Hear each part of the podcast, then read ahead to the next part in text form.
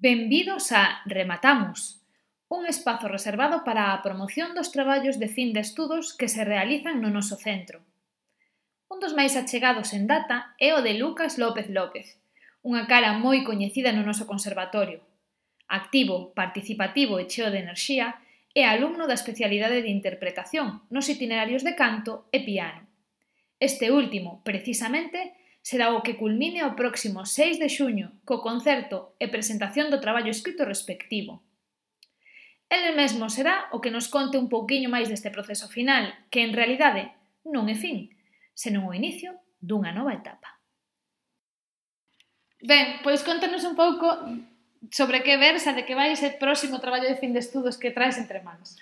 Pois mira, o meu traballo titulado O mundo do canto como saída laboral para pianistas trata eh, sobre os fundamentos ou o que eu penso que son as habilidades básicas que debe adquirir un pianista que queira traballar de xeito coherente cun cantante de forma independente, non cinguíndose meramente a acompañar nunha clase de canto, e opcións de estudos dentro do noso país para formarse neste, neste mundo do repertorio vocal, así como eh, tamén unha entrevista a Carlos Enrique Pérez, que é o mestre correpetidor e aquí da Obra de Vigo, ademais de catedrático de acompañamento vocal no, no noso centro.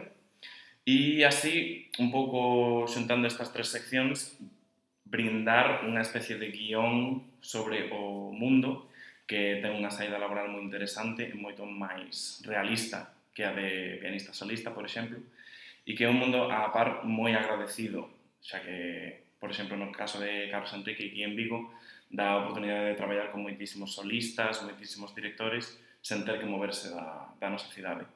Claro. Entón, por aí podemos saber un pouco por onde ven o interese nesa, nesa figura pianista como repertorista de cantante. Sí, sí bueno, o meu, o meu pasado acompañante, digamos, xorde moi, moi novo, xa que as miñas dúas irmás son músicos.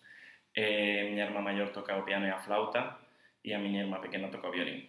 Entón, xa dende os 13, 14 anos, eh, os profesores no meu conservatorio, que é un conservatorio moi modesto, e no que as catro profesoras de piano que hai teñen que repartirse as horas de pianista acompañante, eh, o profesor de violín dicía que acompañase a miña irmá, que era moi chulo nos concertos e tal.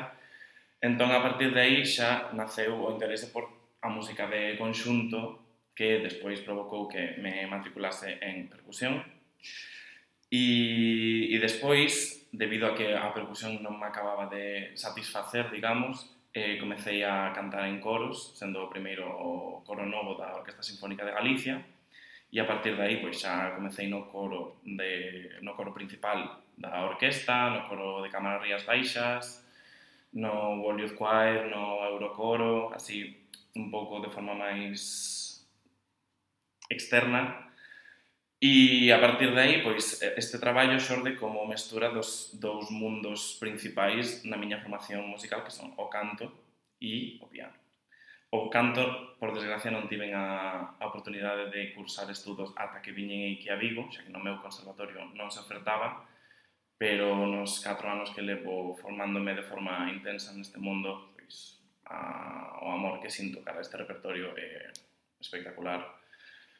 E eh, creo que este traballo mm, exemplifica o, o amor como pianista que lle teño a música vocal.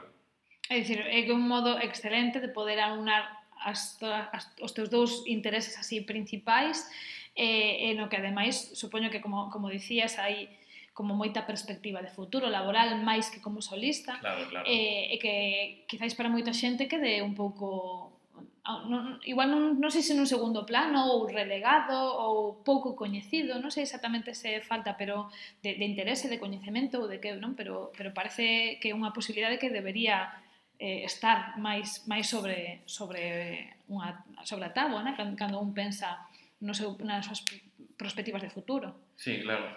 Eh, sí que é verdade que neste centro a, as oportunidades que temos os alumnos para acompañar normalmente están únicamente limitadas á asignatura de música de cámara uh -huh. e normalmente non temos a, a oportunidade de traballar de xeito constante con cantantes. Sí, porque teñen unha carga lectiva pequeniña, eh, eles claro. de música de cámara. Sí, sí. e moitas veces para buscar repertorios que non traballan normalmente en clase, adoitan claro. traballar con guitarristas, por exemplo. Entón, eh, a experiencia vocal que temos no centro eu creo que é relativamente limitada. E, e tamén pode ser que o, o estatus de divos ou de, de flipados que podemos ter dos, dos cantantes eh, non, non sexa tampouco propicio a que a xente queira traballar con eles, porque como, como se pode ver ao longo do, tra da, do meu traballo, eh, son moitos aspectos moi específicos os que hai que ter en conta a hora de traballar con cantantes, xa sexa a forma de respirar, os ataques en función do texto, coñecer o texto, que tamén pode afectar o fraseo, eh, todo tipo de tradicións vocais, a góxica, eh, traballo de recitativos, que está totalmente claro. condicionado, a perspectiva que ten o cantante ou nunha produción xa máis un teatro de ópera, digamos, a produción dende a vista do, do director musical, do director de escena, da proposta escénica. É un, ten un montón de, de factores que pode resultar un pouco difícil de afrontar nun, nun primeiro momento para alguén que non estea habituado a traballar neste tipo de repertorio, pero que é moi satisfactorio e que brinda moitísimas oportunidades. É dicir, que un, é todo un mundo aparte, que ten a súa propia idiosincrasia, as súas particularidades, pero que, que polo que vemos, se alguén lle interesa especialmente, eh, é perfectamente eh, fácil de acometer cunha, claro. con esa formación específica. Claro, ¿no? claro. Eh, pasando á parte do concerto, que imos ver sobre, sobre as táboas o 6 de xuño? Pois mira, no concerto do, do 6 de xuño eh, imos ver un programa bastante variado, pero que eu creo que ten un certo carácter autobiográfico, xa que está dividido en dúas seccións principais. A primeira de música francesa, con música de, de César Franck e de Francis Poulenc, e unha segunda parte de xeito máis vocal, no que eh, están pezas de Granados, como La magia do señor, a versión da ópera, entón unha compañeira miña, Emilia López, Emilia Pérez. Emilia Pérez.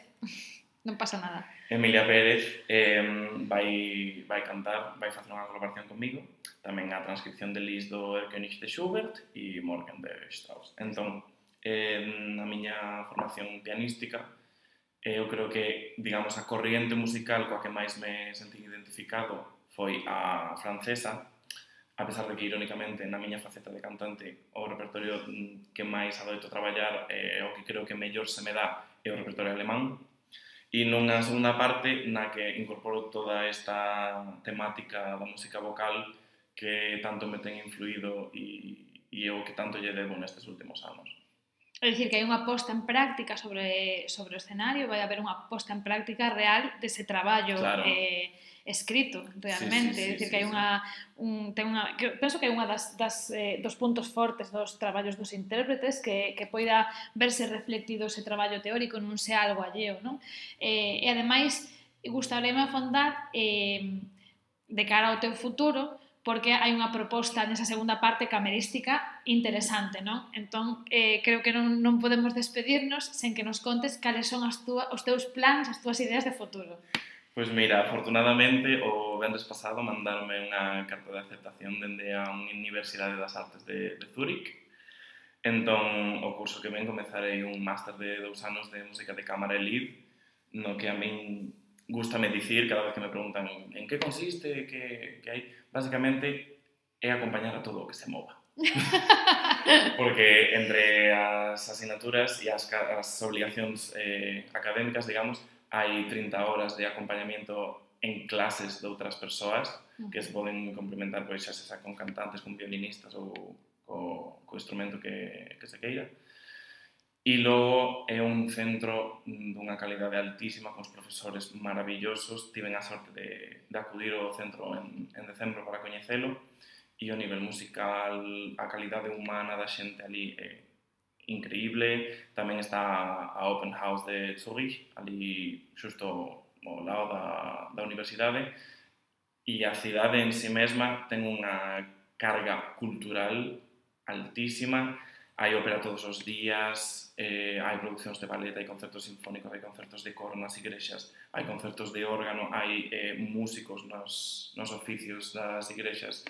Eh, en xeral é unha cidade super enriquecedora e sinto-me moi afortunado de que o ano que ven poida vivir algo.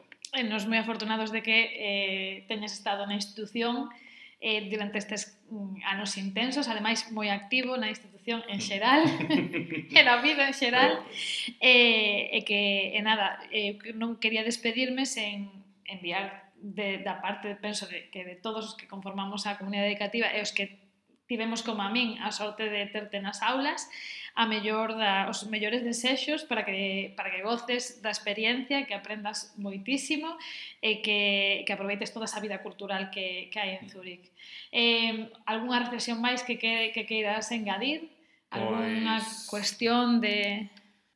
Bueno, eu a verdade é que dame moita pena marchar deste conservatorio no que aprendín tantísimo que evidentemente como todos os centros ten as súas deficiencias, principalmente arquitectónicas. Logísticas, sí. sí.